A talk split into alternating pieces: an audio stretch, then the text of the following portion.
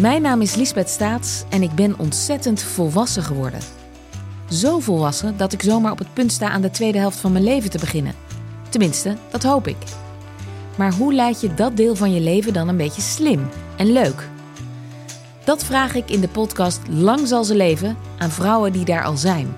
Die dat terrein al helemaal hebben verkend en inmiddels uit een enorm reservoir aan wijsheid kunnen tappen. Ik praat onder andere met Annemarie Oster, Petra Lasseur, Annemarie Jortsma en Tineke de Nooi in Lang zal ze leven.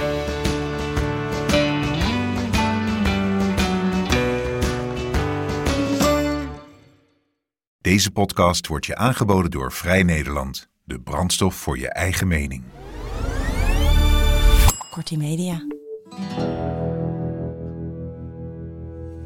En er belt een vrouw op en die, die zegt, mag ik bijpinnen? Eh, en die jongen zegt, ja, ja, ja, geen probleem. Dus je zoekt het even op, de account van, nou, ik weet niet meer wat het was, 500 euro of zo. Van, nou, dat staat eh, morgen op uw rekening. En ik dacht, Bijpinnen? Wat, wat is dit? Dit is Gonzo, de podcast waarin we praten met journalisten over dat ene verhaal in hun carrière dat ze altijd is bijgebleven. Dat kan zijn omdat het een scoop was, omdat het opzienbarend was, riskant, gelauwerd, ontroerend of onthullend, of gewoon omdat het een goed verhaal was. Mijn naam is Merel Westrik, tegenover me zit Frans Lomans, oud-hoofdredacteur van Sportweek, Panorama en Nieuwe Revue.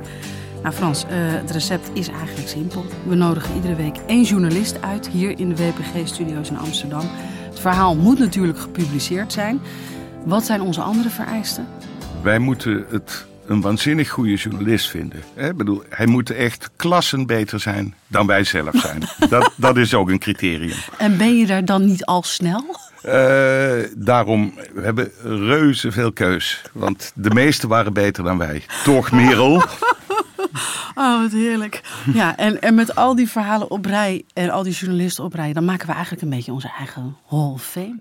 Heel persoonlijk, maar dat doen we wel, ja. Ja. Ja, Eh, Frans, de journalist die we vandaag hebben uitgenodigd, die is maar liefst acht keer undercover gegaan voor een groot verhaal van boek. eh, op plekken die voor veel mensen onzichtbaar blijven.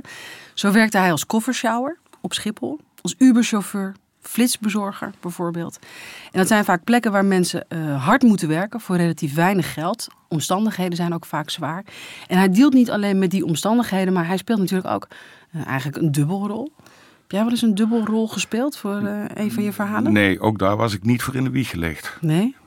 Maar wel eens een beetje moeten liegen en bedriegen voor een verhaal? Nou, het, het vervelende is, en daar heb ik nu weer aan gedacht, omdat ik wist eh, dat we deze gast hadden. Van, eh, ik heb ooit een heel lang gesprek gehad met, met Willem Holleder.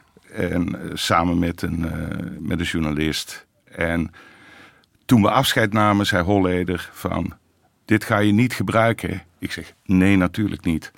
Uiteindelijk hebben we gedeeltes uit dat gesprek wel gebruikt. En ik denk van, heb ik nou mogen liegen omdat het over Willem Holleder ging? Een crimineel? Ik zou... Heb je dan andere eh, criteria opeens? Maar dit is volgens mij het grootste verwijt dat ik mezelf maak. Het is een beetje een journalistieke doodzonde eigenlijk, toch? Als je af de record met nee, is, het is veel erger. Het is een menselijke doodzonde. Ik bedoel, je moet niet liegen en bedriegen. Dus eh, hier schrik ik nog wel eens overdag wakker van. Ja, Ja. had ik nooit mogen doen. Maar hij is eh klaarblijkelijk nooit verhaal komen halen. Hij heeft via via laten weten dat meneer Lohman, zoals hij mij noemde, een afspraak geschonden had. En dat had ik. Dus ik krijg wederom een rood hoofd, nu, nu ik het zeg. Maar Ja. je vroeg ernaar. Dus je bent blij, dat, Merel? hij- je bent blij dat hij vastzit. Nee, daar, daar gaat het niet om. Ik denk niet dat ik op zijn dodenlijst eh, sta, maar goed. Ja, Ja, ik vind het wel eh, eerlijk van je, Frans, dat je het vertelt. ja. We gaan naar onze gast. Eh, in de studio eh, dit keer Jeroen van Bergijk. Welkom. Eh, even een kort cv. Eh, na je afstuderen vertrok je naar New York en Australië om daar te werken als correspondent. Terug in Amsterdam begon je een uitgeverij. Je maakte documentaires voor radio en televisie. De laatste vijf jaar schrijf je artikelen en boeken over je undercover acties. Ik noemde het net al, je bent chauffeur geweest voor Uber, eh, bezorger bij Gorilla's, koffershower op de luchthaven. Je bent ook vrijwilliger geweest in een coronateststraat en je werkte in het eh, distributiecentrum van bol.com. Voor je reportage Undercover als verkeersregelaar werd je genomineerd voor de Tegel, de belangrijkste journalistieke prijs van Nederland. Waarom ben je eigenlijk ooit journalist geworden, Jeroen?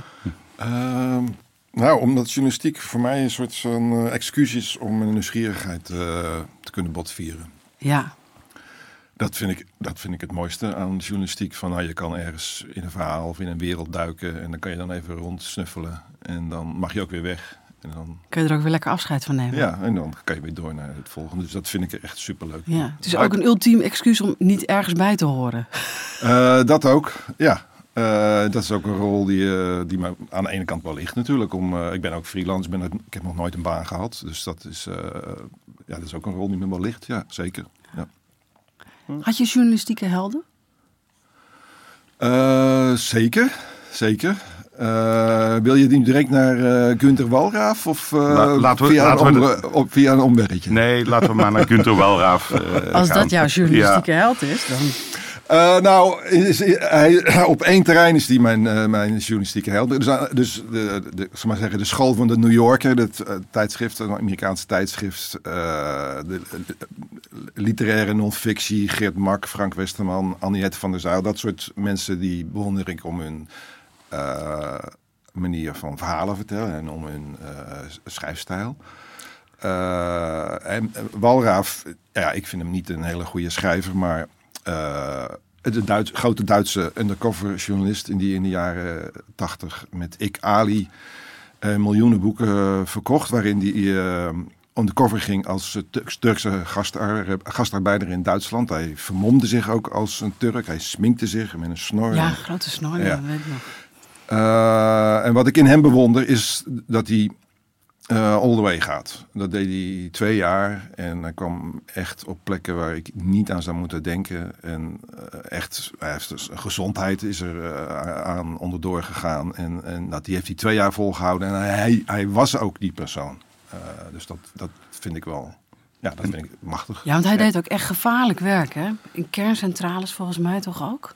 In, in, in, in staalfabrieken waarin iedereen met gezichtsmaskers rondliep. En alle Turken werden dan op de meest geva- gevaarlijke plekken naartoe gestuurd. En het was echt ontluisterend om te zien hoe die... Ah, op een gegeven moment gaat hij in een boerderij, vraagt hij, heb je een baantje voor me? En moet hij tussen de varkens eh, slapen. En het, hij wordt echt zoals een beest behandeld eigenlijk. Ja. Hij, hij ging all the way, hè? Wat, wat jij zegt. Ik bedoel, hij werkte er langer aan dan jij ooit je hebt kunnen permitteren. Ja. Maar hij had ook heel erg een boodschap, hè? Hij wilde iets aantonen. ja. Heb je ook altijd een boodschap willen hebben? Nee. Nee? Nee. Dus bevredigen van je nieuwsgierigheid, zoals je Ja, eerder dat, is zei? mijn, dat is mijn belangrijkste motivatie. Maar als je undercover gaat, dan ja, dat is natuurlijk een zwaar middel. Een zwaar journalistiek middel. Dat, dat, dat, eh, dat zet je niet zomaar in. Dus er moet wel een vermoeden zijn van... oké, daar is iets grondig mis. En daar kan je op een andere manier niet achterkomen. Ehm, los van alle ethische implicaties zou ik het fijner vinden als je als journalist gewoon makkelijker toegang kreeg en makkelijker mee kon doen in de, en, en daarover eh, over schrijven. Eh, ik denk dat als je over werk wil schrijven, dat het goed is als je het werk zelf ook doet. Want dan kan je het meer doorvoelen wat Ja. mensen meemaken.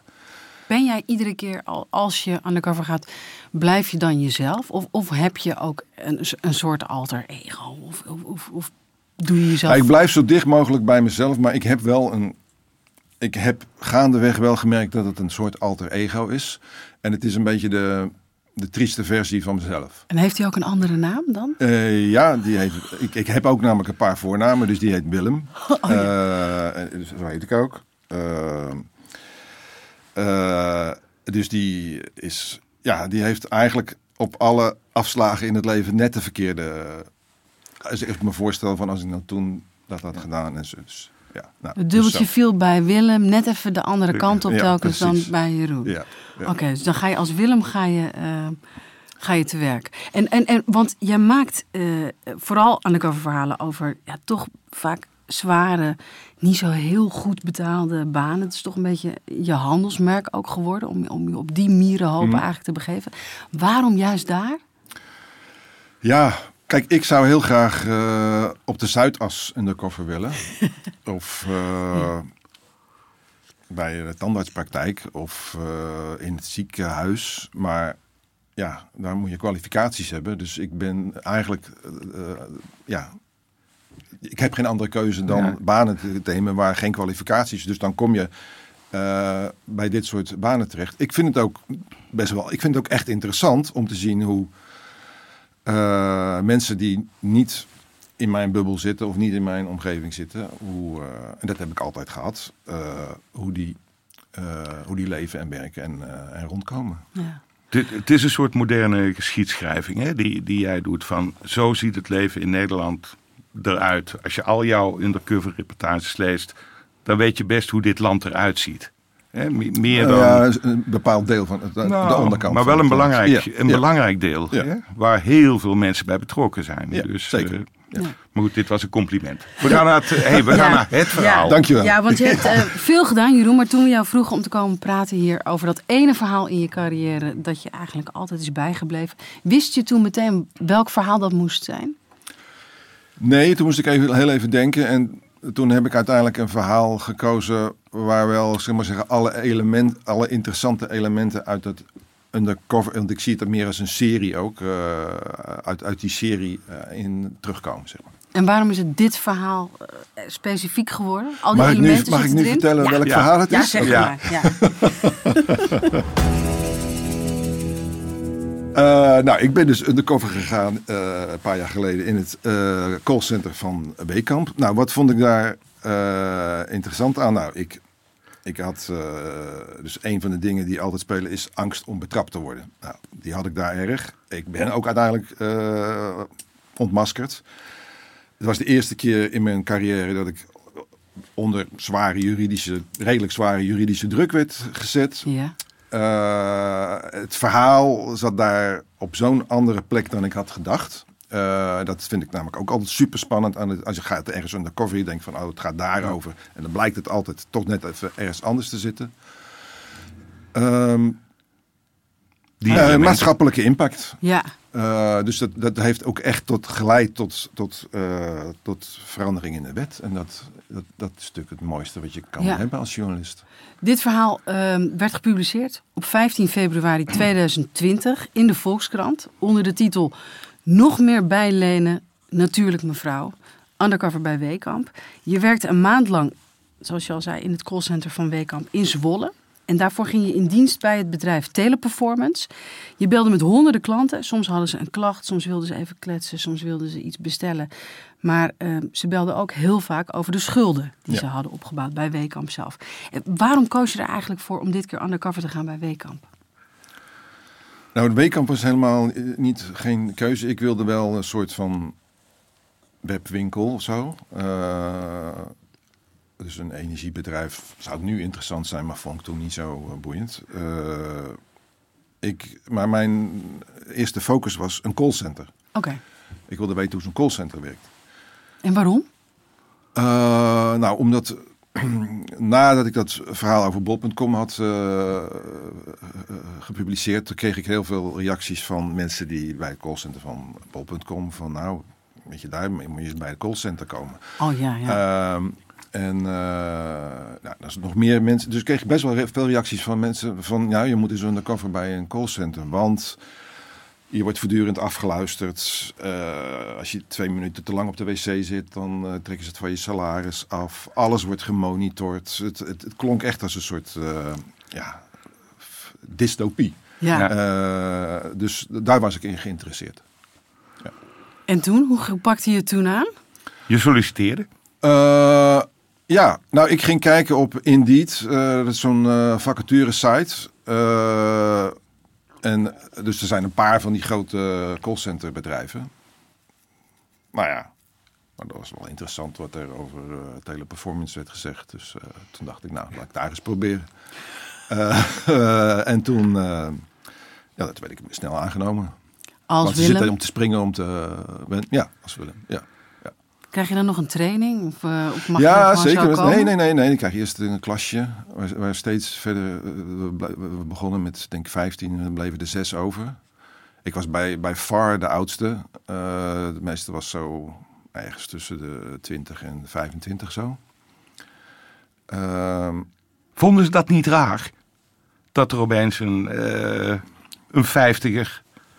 Ja, dus, zich dus vandaar die Willem die gescheiden is en een beetje eh, niet meer zo goed weet wat hij met zijn leven moet. En, en, en Ja, ja. daarom eh, verkeersregelaar wordt en daarom eh callcenter medewerker. En, nou ja, dus dat, ik, die rol die is kennelijk op mijn lijf geschreven. Ja, ja, ja. Dus die speel ik goed. En dan kom je voor het eerst, eh, dan heb je die training gevolgd. En dan ga je voor het eerst echt eh, aan het werk. En wat ben jij dan voor, voor werknemer? Doe je dan heel erg je best bijvoorbeeld? Ja, nee, dan ben ik echt het braafste jongetje van de klas. Eh, dus ik doe echt mijn best en ik, ik doe mijn huiswerk. En ja, dus ik, ik, ik ik ben altijd de beste. Ervaar je dan ook stress onder die prestatiedruk die je in die functie dan hebt? Dat je denkt, ik moet veel mensen helpen vandaag? Of?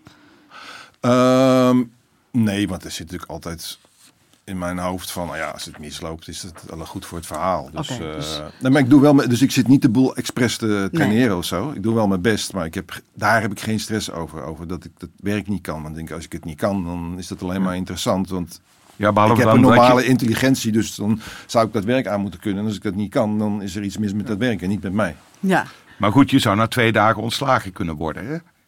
Dat wilde je niet. Want je wilde echt een reportage hierover maken. Dus je moest wel Ja. je heel erg binnen al die Ja, ja, ja nee, dus ik kreeg ook allemaal evaluatiegesprekken van, eh, nou, dan ging je meeluisteren en dan, eh, ja, je mist toch wat. oh ja? Eh, Noem eens ja, wat. Ja, dat weekampgevoel. Eh, Wat is weekampgevoel? ja, dus je, je wil... En mijn vrouw die wil een jurkje. Eh, en eh, ja, eh, nou, ik denk toch dat dat maatje 38, dat, dat is misschien toch misschien net iets. Weet ik veel. Ik, dat kan ik niet. Eh, ik, ik wil het ook niet. Eh, of een bankstel, je moet het grijs of rood zijn. Weet ik veel. Zoek het zelf uit. Oh, je, kan niet, je bent geen adviserende callcenter nee, dus dat, dus dat, en dat, daar zochten ze natuurlijk naar. Dat je dat in ieder geval, of dat je dat faked. Ja, Eh, dat je zegt grijs past bij alles. Dus dat ja, precies. Ja. Ja. nou, ja, jij zou er geknipt voor zijn. Ja. En wij, en wij, wij van Weekamp vinden. ja. Ja. Dus daar was ik niet zo goed in. Ik, ik, ik probeerde wel, als mensen, weet ik veel, hey, jullie pak, mijn pakketje zou gisteren bezorgd worden. Eh, Dat is niet bezorgd. Ja, dan kan ik in een systeem opzoeken waar het is en zo. Dus dan doe ik, dat, dat, dat, dat kan ik. Ja. Eh, en dan kon je ook zeggen, wat echt vervelend. maar echt dat, dat warme weekampgevoel overbrengen, daar was ik niet goed in.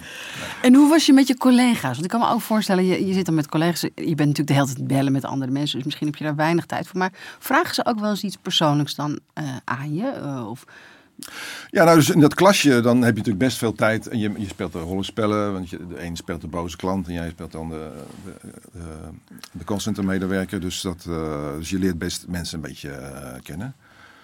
Eh, ja, dus daar wordt, het een, daar wordt het lastig. Want dan, ehm, als mensen niet al te veel aan me vragen, dan kan ik dat natuurlijk wel volhouden. Maar als mensen echt gaan vragen, wat heb je gedaan van het weekend? En, eh, en dus als je vrienden met iemand... of, eh, ja, dan, Ja. dan, dan, dan gaat het, wordt het lastig. Dan wordt het voor mij lastig in ieder geval. gebeurde dat bij, bij, toen je bij Weekamp zat ook een beetje? Of Ja, ja. Dat je een goed contact met mensen opbouwde? ja zeker. Ja. En, en, en de, de, de- toen na afloop waren er ook een paar mensen echt eh, gekwetst. Dat, ze, dat ik ze dus al die tijd voor het lapje heb gehouden. Maar wacht, nog, nog even terug. Hè, van, wanneer wist jij van, ik heb een verhaal dat serieus hout snijdt? Gebeurde Toen er toen een, ik- een speciaal ding? Nou, toen ik voor de eerste keer, dus je hebt die training alsmaar. En op een gegeven moment mag je dan eh, meeluisteren met iemand die echt zit dat, zit dat doen. Je zit in de huiskamer eh, bij mensen. Je hoort een, een, een oudere vrouw en de dochter, kleindochter zit piano te spelen. Iemand uit Den Haag met een plat huis, dan uit Groningen. En, en uit- je bent echt overal in de huiskamer in Nederland. En er belt een vrouw op en die, die zegt, mag ik bijpinnen? Eh, en die jongen zegt, ja, ja, ja, geen probleem. Dus je zoekt dat even op, eh, account van, nou ja, ik weet niet meer wat het was, 500 euro of zo. Van, nou, dat staat eh, morgen op uw rekening. En ik dacht, bijpinnen? Bijpinnen, Wat, ja. wat is dit? Nou ja, je kan dus gewoon een, een lening, een, kortlopende, als je klant bent bij Weekamp, dan sluit je gewoon een lening af voor 500 euro. En dat is binnen een paar minuten geregeld. En daar betaal je dan 14% eh, rente over die, over die lening. 14 Eh, toen dacht ik wel van, nou, dit gaat echt heel makkelijk. En eh, hoeveel mensen doen dit? En eh, nou ja, dus daar, daar had ik wel eh, het gevoel van, hier zit wat. Toen wist je, ik ben iets op het spoor. Ja, ja. Ja. En hoe ging het vervolgens? Want dit hoorde je dan in de training. Je gaat daar aan het werk. Wat voor mensen krijg je dan in die maand dat je er bent allemaal aan de telefoon? Wat, wat is de, de doorsnee een beetje? Nou ja, het is natuurlijk vertekend, want er zijn, mensen, er zijn dingen die je bijblijven en er zijn dingen die je alsmaar weer vergeet. Ja, als iemand voor de twintigste keer belt over een pakje wat te laat is, ja, dan, dan, dan registreer je het niet meer. Nee. Ehm, Maar, Maar- de dingen die je bijbleven. nou ja, dat zijn, dat zijn die mensen die. die eh, ik kan me nog herinneren, eh, een vrouw die was gescheiden. Eh, en een gesma- gemeenschappelijke rekening of iets dergelijks. In ieder geval, die man die zat, eh, haar ex, die zat eh, bij Wekamp te kopen op, op haar rekening. Dus zij kreeg al die rekeningen. dus, en, en die zei, ja, hey, kappen ermee. En, en dat, dat snapte ik. Ja. ja. dat lijkt me niet, daar moeten we iets aan doen. Dus dan haal je zo'n, je baas erbij, of een vraagbaken heet dat dan. Van hoe kunnen we die doen? En dan is het echt scheidingen. Daar bemoeien we ons niet mee, dat moeten ze zelf uitzoeken.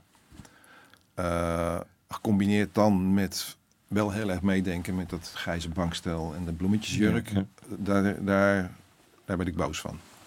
Eh, daar wil ik heel graag helpen. Want Ja. iemand zit in de problemen en dan wil je dat oplossen. Nou, Waren er veel mensen die, die, die, die schulden hadden Ja. of die met Ja. problemen zaten? Ja, dus dat is wat me. Dus daar zat uiteindelijk voor mij het verhaal. Iemand die, weet ik veel, 4.000, 5.000 euro schuld heeft. eh, en, en 100 euro per maand afbetaalt. Ja, dan ben je dus eigenlijk alleen maar rente aan het betalen. Ja. En je betaalt niks op die bijna helemaal niks op die schuld af. Daar ben je jaren, als je zo doorgaat, ben je daar jaren mee bezig. En dat is een businessmodel. Het is het, oké, het businessmodel is spulletjes verkopen, maar die mensen op afbetaling laten eh, kopen, dat is een, gewoon een wezenlijk onderdeel van het businessmodel van Wekamp. En dat is een schandaal en daar moeten ze mee stoppen. En die, die woede hè, die je voelde Ja, toen kwam, je dit die, door kwam, die kwam pas veel later hoor. Die- Ja, dat, ja. eh, Heb, heb jij zelf iets gedaan dat je denkt van... ik heb nu iemand diep in de shit geholpen? Heb je, heb je zelf iemand moeten zeggen... Ja, iemand laten bijpinnen of zo. eh, eh, of dat je zelf voorstelde... hey, pin wat bij. Nee, het was Lekker. meer onmacht. Het was onmacht eh, over van de, dat ik mensen niet kon helpen. Want als het dan echte problemen was, dan moest je het doorverwijzen of zo. En nou ja, wat ik een, wat de allerlaatste dag heb gedaan, is dacht van oké, nu ga ik dus toch, ik ga morgen ontslag nemen. Dus ik ga nu alles doen wat verboden is. En dat was dat, eh, nou ja, dus eh, belde iemand op, die had een lening bij Duo, dus was een studenten. Eh, die had een huisje gevonden en die wilde en een koelkast en een wasmachine en een weet ik veel wat. voor 5000 euro wilde die gaan bestellen of zo. Eh gespijt betalen op afbetaling. En, en met een lening van, van de Duo ook, dat zat ook nog in de nek. Dus toen heb ik tegen gezegd van nou, nou lijkt me gewoon niet zo slim. Eh, is er niet, eh, kun je niet tweedehands ergens wat gaan kopen? Eh, nou, eerst was het zo van, ja, gast, waar bemoei jij je mee? Ja, ja. Maar van, nou ja, kijk, als je dan, ja, het is toch je schulden en rente en dit en dat. Dus ik begon het helemaal uit te leggen dat het gewoon geen slimme keuze was. Of dat je het misschien eerst met de hand kon. Zo, dus ik ging echt een heel gesprek met haar aan. En aan het eind eh, was het zoiets van, nou oké, oké, ja, u heeft me toch wel een beetje aan het denken gezet. Ik ga er nog eens over nadenken. Dus dat was wel bevredigend. Maar als ik dat natuurlijk een paar dagen had volgehouden, dan was ik tegen de lamp gelopen en dan was ik eruit gemieterd. Ja. Dat, dus toen was je heel even... dat laatste moment was je even Jeroen en niet langer Willem. Precies, Ja? ja. ja. Maar goed, ik was daar natuurlijk zo kort en eh, ik had wel het idee van, nou, ik ga gewoon mee met, eh, met, om het verhaal te maken. Maar ik heb wel in andere... Kijk, soms gebeurt er wel eens iets en dan, dan laat ik het niet over, maar over maar bij bol.com was er bijvoorbeeld een keer iemand die je moest daar in een. Dus je moest dingen pakken, eh, eh, spulletjes uit het magazijn halen, in een mandje stoppen. En dan moest je in de ene lift stappen naar boven en dan moest je weer verder. Maar je mocht niet in die andere. En er was een, een oudere vrouw en die ging per ongeluk in die andere lift staan. En toen kwam er een Poolse man. En die begon er helemaal uit te schelden, want die was de liftpaas. Dus die is... Ja, die zag iets gebeuren wat niet kon.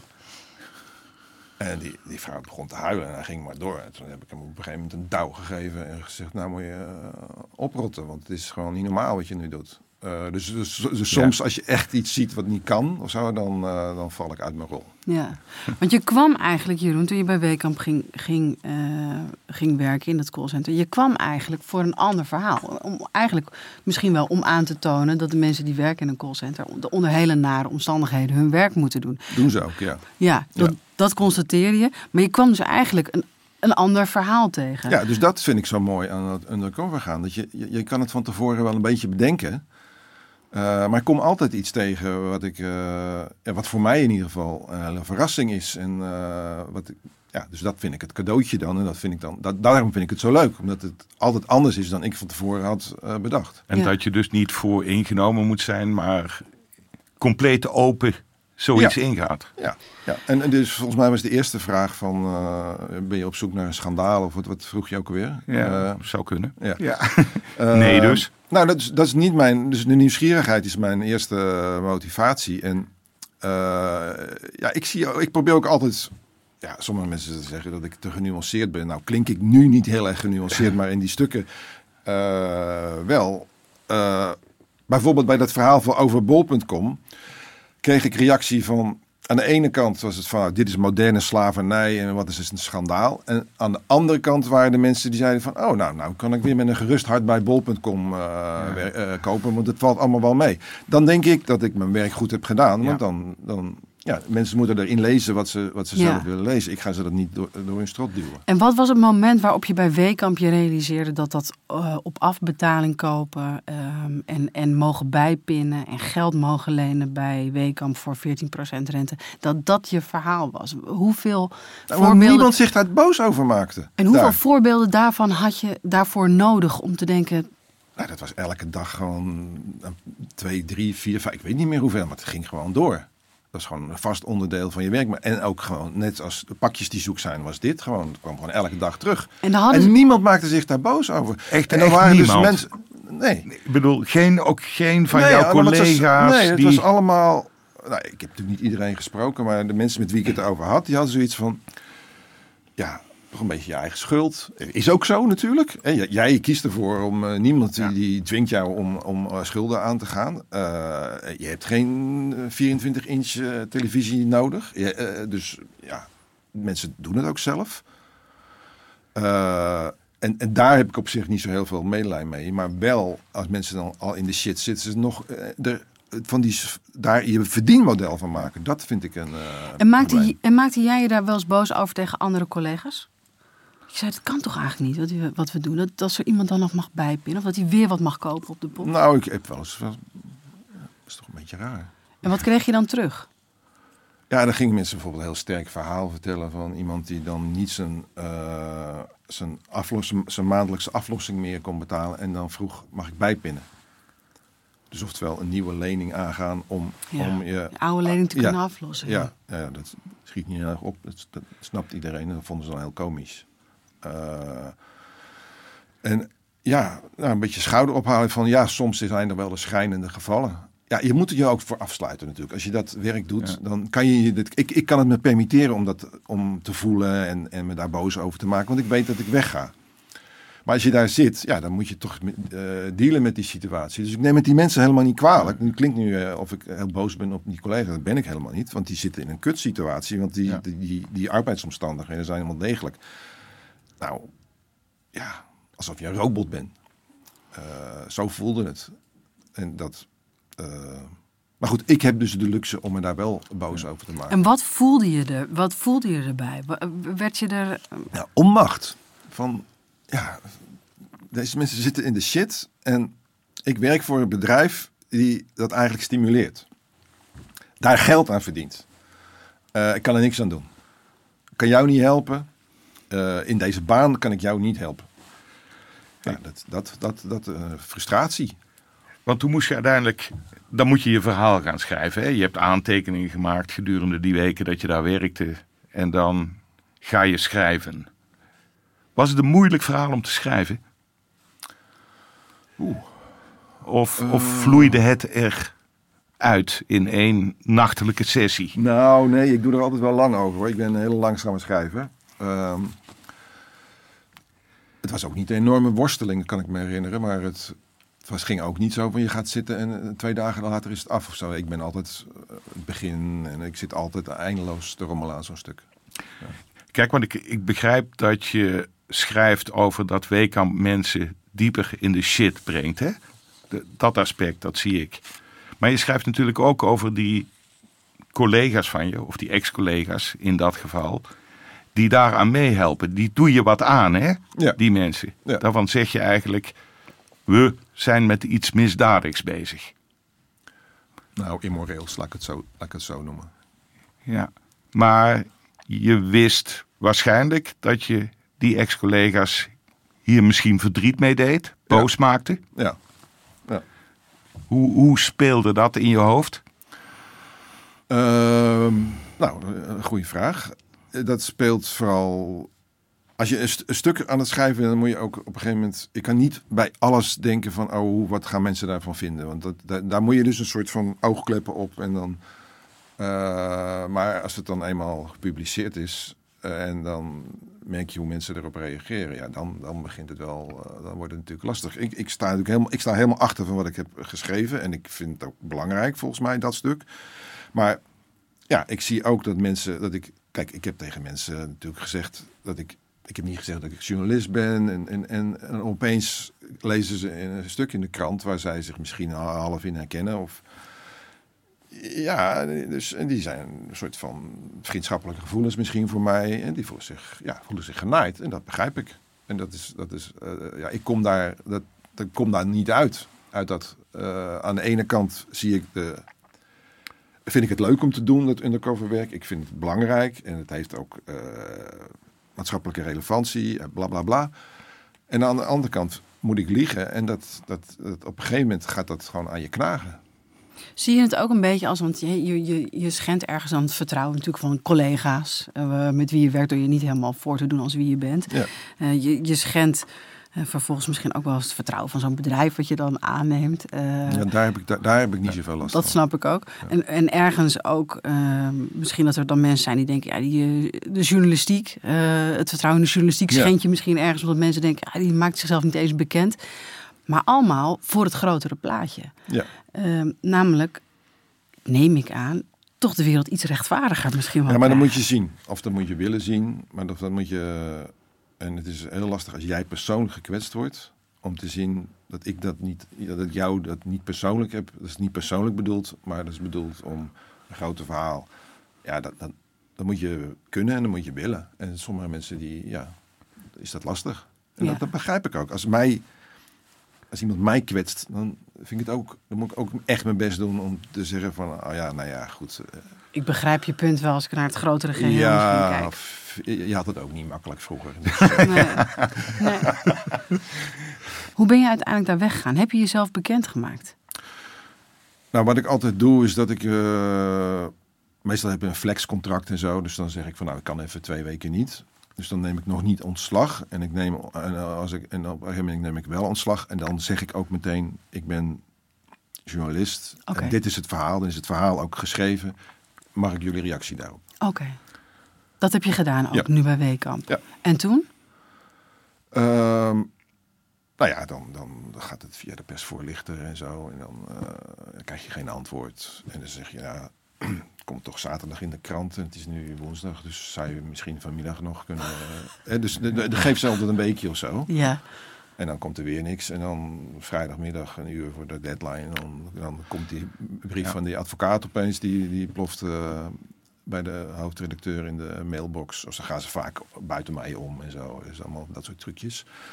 Eh, en dus dat, maar bij Beacon was dat de eerste keer dat ik daarmee te maken Ja. eh, kreeg. Ja, en ik, heb, ik teken natuurlijk contract met eh, geheimhoudingsplichten, weet ik wel. En het boetebeding en eh, allemaal best wel. En ik ben freelancer, dus ik sta Ja. in principe helemaal alleen. Wat stond er in die brief? Eh, nou, dat het defamerend was, moest ik even opzoeken wat dat was. Maar, Weet ik ook niet. eh, en dat, dat er een aantal dingen niet waar waren. Omdat dat. En kijk, ik kan niet, dus, en ik moest wel, wat dat betreft, ik, dus ik had een voorbeeld van iemand die mij belde en die had zoveel schuld. En toen had ik, en, had ik zo ongeveer in mijn hoofd van, oké, dus, dus- en ze lost zoveel af, hoeveel is daar nou rente van? Nou, en dat was volgens mij uit mijn hoofd eh, 100 euro en, laten we zeggen, 90 euro afbetaling aan rente en, en 10 op de, op de primaire som. Nou ja, dus had ik, maar had ik uit mijn hoofd gereconstrueerd, want ik kan geen aantekeningen maken. En, en, en toen zeiden ze van, nou, dat hebben wij in ons systeem nagezocht. Dat verhaal, dat, dat, klopt niet. Ah. Ja, dat zou best kunnen dat het niet klopt. Nou ja, en oké, het, het punt wat, wat daaraan klopt aan dat punt is van als je iets opschrijft, dan moet, het ook, moet je ook 100% zeker weten dat het helemaal klopt. En dat, dat was ik niet. Ik had natuurlijk wel heel veel van die gevallen gehad waarin de meerderheid, maar ik wilde het echt precies maken, weet je wel, met getallen en zo. Dus dat was ook, dus dat heb ik veranderd in een mevrouw die voor het grootste deel rente betaalt en niet de eigen schuld, eigenlijke schuld afbetaalt. Eh, nou, de- ze hebben klanten. eh Teleperformance. Naast Weekamp hebben ze andere klanten. Nou, die mocht ik niet eh, noemen. Nou ja, iedereen die googelt, die Kan het zo. ja. Nou ja, dat, soort, dat soort dingetjes. Van, nou ja, als je dat eruit wil hebben, dan... eh, Dus maar je- er, er, er ging niks wezenlijks uit Nee. je verhaal. nee. En Nee. je voelde je ook constant gesteund door de hoofdredactie. Zeker. Vraagteken. Ja. ja. En toen werd het gepubliceerd. Wat was de impact? Ehm, nou, ik kreeg daar echt heel veel reacties op van, eh, van mensen die in callcenters eh werkten. En ehm, er kwamen kamervragen. eh, dus van de SP en de CDA. En die, die, die, die vroegen aan de minister Hoekstra toen van, van, Financiën van... ja, want het is wettelijk toegestaan, hè, die 14% dat mag je rekenen. Kan dat niet anders. En uiteindelijk heeft, heeft de minister besloten van nou, dat, dat gaan we naar beneden. Ja, met een 2%, oké, dat is niet wereldschokkend. Maar als jij in de schulden zit, dan scheelt dat gewoon tientjes elke maand. En dat, voor mensen die arm zijn is dat veel. Dus, en dat is wel één op één. Ik bedoel, een paar dagen later komen die kamervragen. En op basis van die kamervragen eh, eh, wordt de wet aangepast. Dus dat is, leid ik wel naar mijn stuk eh, terug. Je hebt Ja. de wereld een heel klein beetje beter gemaakt. Nou ja, zo voelt het, Toch? zo voelt het wel. En Ja. dat, was, eh, dat was eigenlijk de eerste keer dat zo concreet... eh, want meestal merk je natuurlijk niks van een stuk. Of dan zeggen mensen, ja, leuk gedaan of zo. Maar dan is het niet zo aanwijsbaar. En ja, je kan een minister laten vallen of zo. Dat is natuurlijk ook super... eh, voor journalisten vinden dat dan... Ook kicken. heel opwindend. Kicken natuurlijk. Eh, maar ik vind dit wel... ik vind dit wel echt super gaaf. Dat het gewoon voor heel veel mensen een heel klein beetje eh, het leven heeft verbeterd. Ja. Denk je vaak terug aan dit verhaal? Ehm, nou, ik denk wel vaak terug aan, omdat er wat ik zei, er zitten al die elementen. ik deed, dit was het derde in coververhaal of zo wat ik deed. En eh, nou, met die advocaat, nou, daar lag ik echt wakker van. Dat had ik nog nooit meegemaakt. Dat zo'n advocaat. eh, en ik dacht, ja, gaat, die, gaat de Volkskrant mij wel steunen? Daar was ik bang voor. En- Ach ja. nou, zo'n kamer. Dus allemaal er gebeurde een hoop. En eh, ja, dus dat, dat denk ik nog wel. Dat was al de eerste keer dat ik echt dacht van ik heb hier iets te pakken. En tegelijkertijd ook dat, dat morele aspect van oké, mensen zijn echt boos op jou persoonlijk. Ehm, ja. Want hoe die, die, die woede van oud-collega's, want je, je blijft daar een beetje op de vlakte nog over. Wat, wat, na, wat, wat zeiden ze dan tegen je? Of, Ehm, nou, in een appgroepje eh, en ze niet meer met me willen appen, gewoon niet reageren of boos reageren van eh, je weet niet waar je het over hebt, je hebt hier een maand rondgelopen en wat dacht je nou? En eh nou, één jongen die reageerde met van nou ja, dankjewel. Eh als jouw bedoeling was om ons leven beter te maken, nou, eh, die missie is niet geslaagd, want we worden nu gebeld door mensen die dat stuk van jou hebben gelezen en eh, ja, boos zijn, snap ik. En maar dat af gingen reageren op eh Oh. callcenter medewerkers. ah shit, ja. Ja, dat was, niet, eh, dat was natuurlijk niet de bedoeling. Nou, Heb ik daar, daar heb ik daar geen invloed op. Nee. Lijkt mij ook een hele domme reactie als je dat stuk hebt gelezen om op zo'n manier te reageren. Maar goed, het Maar daar kan wel. je wel last van hebben, lijkt me. Ik heb last van, ja, het grijze gebied of zo. Waar ik, ik, ik ben gefascineerd door. Ik ben niet zo van het zwart of van het wit. Dus ik geef me van mezelf, privé en, en altijd in dat grijze gebied. Van het is altijd genuanceerd. Ehm, maar daar heb ik wel last van, want ik vind dat je een. een ik, ik ben natuurlijk eigenlijk een beetje een moralistisch typeje voor mezelf. Eh, van dat ik vind dat ik eh, een upstanding citizen moet zijn en bla bla bla. En ik misluk daar altijd in. Nou ja, dus dat, dat, daar, dit is dit ook een onderdeel van. Dat ik, eigenlijk, ik vind eigenlijk dat ik gewoon tegen iedereen de waarheid moet zeggen. Eh, dat is je taak als journalist, toch? De waarheid zeggen. Ja. Maar je kan. Maar ik heb hier gemerkt dat je. Ja, als je. Stel dat ik had gezegd van. joh, mag ik een keer een dagje bij zo'n callcenter medewerken? Maar zo'n callcenter meekijken. Dan hadden ze, gezegd, hadden ze misschien gezegd, nou dat is goed. Nou Ja, daar is toch alles van tevoren gescreend. Staat iemand eh, mee te kijken. Je, je krijgt gewoon totaal geen beeld van de werkelijkheid. Dus de enige manier waarop dat kan, is om dat zelf te gaan doen, undercover te gaan. En dan krijg je dus op een andere manier eh, dat je moet liegen om de waarheid, of dat je te- Ja. moet liegen om de waarheid te zeggen. Dus het is een dilemma wat gewoon niet op te lossen is. Nee. Je, je bent daar wel mee doorgegaan, hè? Ik bedoel, dit is je handelsmerk, nog steeds. Jij denkt dat dit inderdaad de manier is om de waarheid te achterhalen, waar ik het 100% mee eens ben, ik zit nu, dus ik ben het er ook mee eens. Ik zit nu wel op een punt dat ik het niet meer zo goed weet of ik daar, of ik daar nog mee door wil gaan. Eh, Kondig je nu je afscheid aan terwijl we hier eh, met elkaar gezellig zitten te praten? nou, nee, dat, dat ben ik al. Ik ben een boek aan het schrijven met een terugblik.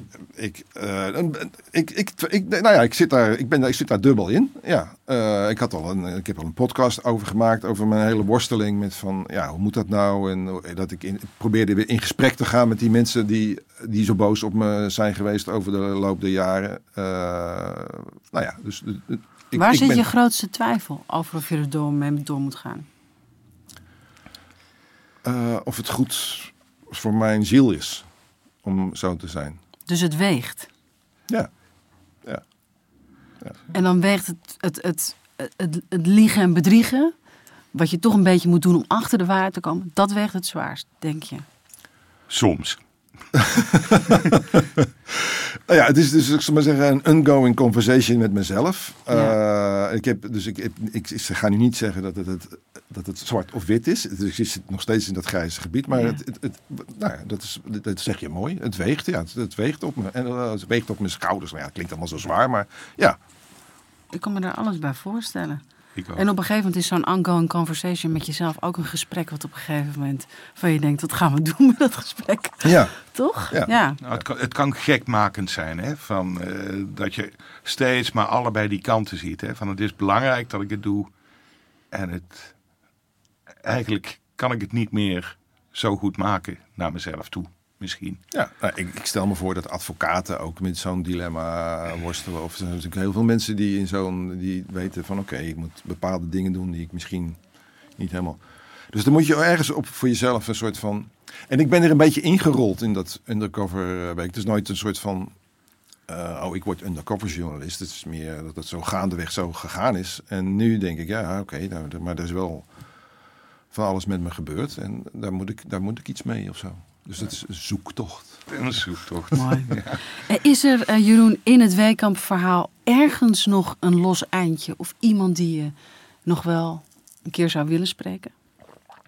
Uh, nou, wat, is, wat ik erg grappig vond, uh, want het klinkt, we zijn nu allemaal heel zwaar, maar het is dus ook best wel vaak heel la lachen, dat undercoverwerk. Uh, dus ik ging uh, op zoek naar oud-collega's en ik kwam weer aan de praat met uh, Brian. Dat was dus een jongen die ook bij mij in dat klasje zat. Uh, en die, uh, ik zal het verhaal even vanuit zijn perspectief vertellen. Dus hij uh, ging met een vriend in Zwolle, in de bibliotheek, annex boekhandel Waanders in Zwolle, ging die een kopje koffie drinken. En um, ze hebben allebei journalistiek gestudeerd toevallig. En, en die vriend van hem, eh, die, is, die had al een paar keer tegen Brian gezegd, Hielke Jan heet die vriend, hij tegen, tegen Brian gezegd van, eh, ja, wat jij allemaal vertelt over Weekamp, dat lijkt best wel een beetje over, op die, die undercover verhalen die in de Volkskrant staan. Hè, met die werkdruk en die digitale controle en zo. En, en Brian was een beetje zo van, nou, dat zal wel. En toen liepen ze door die boekhandel en toen was net mijn boekje over bol.com uitgekomen, waar mijn hoofd op de voorkant staat. En die Hielke Jan zegt van, hé, hey, kijk, dat is toevallig. Daar heb je dat boek van, uh, van Jeroen van Berghek. En die Brian die kijkt daarnaar zo en die staat zo naar te kijken. Maar dat is, dat is Willem. Uh, en die Hielke Jan zo, nee joh, nee, nee, nee, dat is Jeroen, dat is die journalist. Nee, nee dat is Willem. Hij staat zo te kijken. Maar... En, nou ja, zou het zijn tweelingbroer zijn? Duurde heel lang voordat het echt het kwartje viel dat ik het was. En toen had hij me een berichtje op Instagram gestuurd van... hey, Willem, nou moet je eens luisteren. Ik zie hier een boek met uh, foto en dat lijkt echt op jou. Toen, toen, heb ik meteen gebeld van ja, klopt. En, uh, maar wil je het nog even voor jou? Heel grappig. Ja, want die angst, want, ja, want je bent best herkenbaar. Speelt die, angst, speelt die angst nooit als je undercover gaat? Dat je denkt, ah, het staat op mijn voorhoofd. Ja, nee, dat speelt zeker. Uh, alleen die angst die heb ik een beetje bezworen, omdat ik...